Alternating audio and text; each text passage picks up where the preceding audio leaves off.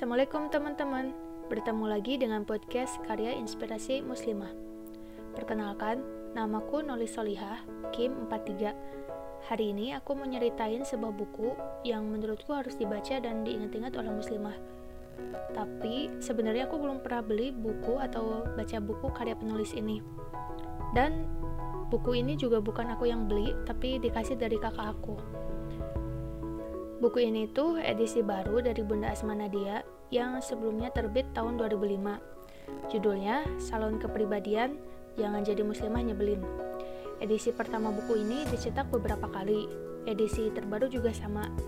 Dari buku yang aku baca, ini cetakan ke-10 pas tahun 2015. Kenapa sih Bunda Asma nulis buku ini? Um, sebagai masukan bagi penulis, juga sebagai masukan bagi pembaca bahwa bukan hanya perkara fisik aja yang harus nyalon, tapi juga perkara ibadah dan segala hal yang berkaitan dengan muslimah. Teman-teman, pernah ngerasain gak sih ibadah yang harusnya menenangkan malah jadi nyebelin? Nah, tentang hal-hal yang seperti itu yang akan dibahas di buku ini. Buku ini berisi 8 bab. Pembahasannya dimulai dengan sesuatu yang kita anggap remeh tapi bisa jadi mengganggu orang lain. Penampilan yang mengganggu pemandangan, perkataan yang keluar dari mulut kita, sikap kita, dan ibadah kita yang bisa jadi tidak menyenangkan bagi orang lain. Bunda Asma mengajak kita sebagai muslimah, baik yang sudah menutup aurat maupun yang belum, untuk selalu sadar akan pepatah, semut di seberang lautan tampak, gajah di pelupuk mata tidak tampak. Pepatah itu sesuai dengan realita kita. Orang-orang Bahkan mungkin kita sering cepat melihat apa yang ada di luar diri kita daripada di dalam diri kita sendiri. Kualitas diri sering kali tidak kita teropong, tidak kita kontrol, dan tidak kita sadari. Tapi buku ini bukan berisi penyadaran aja, ada juga tips-tips untuk menanggulanginya. Biar gak terlalu banyak, pembahasannya akan aku singkat. Pertama, hal remeh yang mengganggu terkait dengan bau-bauan seperti bau yang asalnya dari anggota badan. Teman-teman pasti tahu sendiri bau apa aja ya. Hal yang mungkin kecil ini bisa berpengaruh buruk loh, karena bukan hanya berkaitan fisik, tapi juga berkaitan dengan kesehatan tubuh, pola makan, dan manajemen waktu. Kenapa?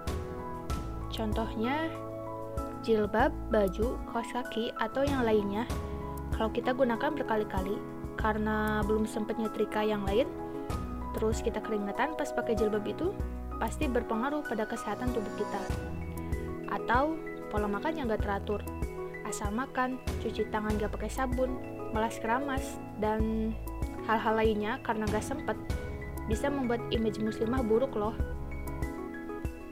Ada lagi terkait wajah, hidung, gigi, mata, dan bibir.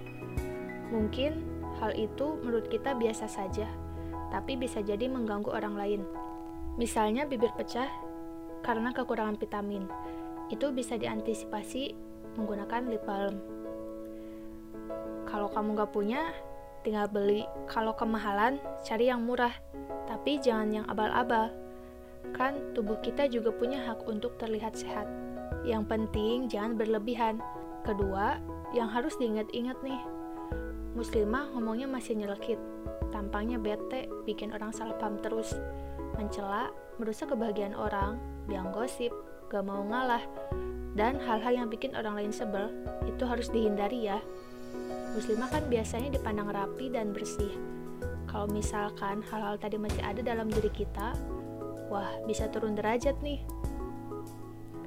Ketiga, muslimah tuh nggak memandang senioritas dengan dalih harus jaga wibawa.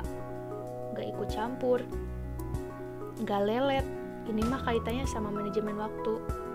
Gak jorok, gak kebanyakan sensi sama perasaan sendiri, sedangkan sama orang lain enggak. Ada lagi, muslimah yang suka bilang nggak bisa padahal belum coba. Harus dikurangi itu mah. Kita kan seharusnya terus belajar hal baru. Keempat, Momen ibadah yang harusnya menenangkan bisa jadi menyebalkan. Kalau pas wudhu, ada muslimah yang nyimpen barang-barangnya di tempat selain dia wudhu.